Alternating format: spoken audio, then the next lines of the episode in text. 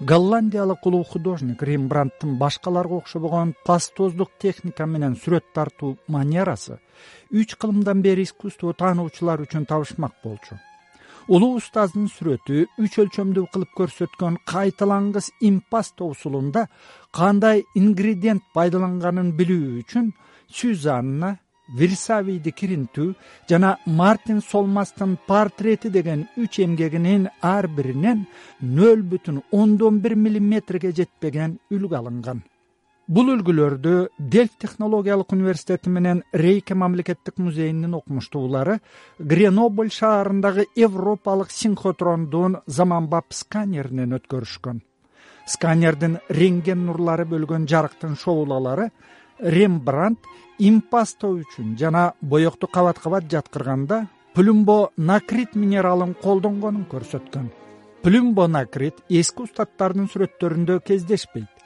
Ал бүгүн автомобиль өнөр жайында автокөлүктөргө кызыл жана кызгылт сары түс берүү үчүн колдонулат.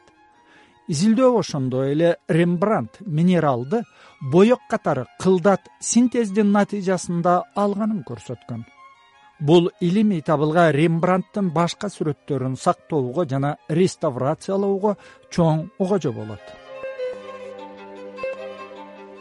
Чырмоок сыпаты жылган жумшак робот. Бүктөлө калып бир нерсенин үстүнө же башына чыгып кетчү берегидей роботту доктор барбара мацола жетектеген италиялык окумуштуулар тобу жасады чөптөр өскөн сайын өз морфологиясын курчаган чөйрөгө ылайыкташтыра берет. Атүгүл жырткыч өсүмдүктөрдүн баариктери же чырмооктордун кылкандары алардын өсүүсүн шыкактачу кыймылдарды жасашат. Өсүмдүк сыяктуу жабышып өйдөгө чыга алчу роботту жасоодо осмос деп аталган гидравликалык принцип колдонулду бул принцип өсүмдүктүн ички клеткаларындагы суюктук ситозолдогу майда бөлүкчөлөргө негизделген. Жумшак робот өзү ийилчээк пет түтүгүнөн жасалган. Түтүккө иондор менен заряддалган суюктук толтурулган. Аны кубаты бир бүтүн ондон үч вольттук батареяга туташтырганда сыртындагы иондук бөлүкчөлөр бут жагына чогулуп суюктук кыймылдап робот жыла баштайт робот кадимки батареядай иштеп жумшак тканьдан жасалгандыктан келечекте айлана чөйрөгө ыкчам ылайыкташчу роботторду жасоого кеңири жол ачат. Мындай роботту инженердик жана курулуш иштеринде аскерий чалгындоодо колдонулчу каруу жарактарды жасоо үчүн да колдонсо болот. Евро биримдик пластик таштандыларга согуш жарыялайт европа биримдиги микропластиктар менен микро сакалардын көп түрлөрүн косметикага боекко кир жуучу каражаттарга айыл чарба медицина жана башка азыктардын айрымдарына кошууну мыйзамый негизде тыят. Европа химиялык агенттигинин ырасташынча азык түлүктөргө кошулган микропластиктердин он миң тоннадан алтымыш миң тоннага чейини талаага ташталат азыр. Алар миңдеген жылдар жок болуп кетпегендиктен жаратылышка зыяны чоң. Ошондуктан микропластикалык ингредиенттерди пайдаланууну дүйнөдөгү эң катаал химиялык мыйзамдар топтомуна ылайык токсон процентке чейин чектөө абзел деп эсептейт агенттик.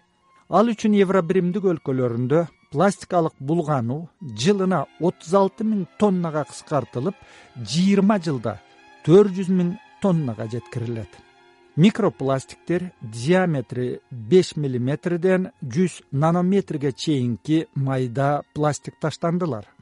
Микропластик ташбакалар менен канаттуулардын атүгүл чиркейлердин ашказанынан консерваланган балыктан жана деңиз туздарынын курамынан табылган. Эмне үчүн кээ бир кишилер түндө үкүдөй болуп уктабайт дененин циркада ритми деп аталган сааты организмге кечкисин уктоочу убактың келди а эртең менен төшөктөн турчу маал болду деп сигнал берүүчү молекуланы бөлүүгө жооп берет. Британиялык жана америкалык окумуштуулардын жаңы изилдөөсү кээ бир гендер кишини түнкүсүн үкүдөй уктабай жүргөнгө же торгойдой таң менен жарыша ойгонууга мейил таттырганын көрсөттү. Изилдөө ошондой эле күн чыкпай ойгончу кишилердин психологиясы ар кандай маанай чөгүүлөргө анын ичинде шизофрения менен депрессияга жеңил алдырбасын катаал кырдаалда оптимист бойдон калып кайратынан жазбасын айкын кылды.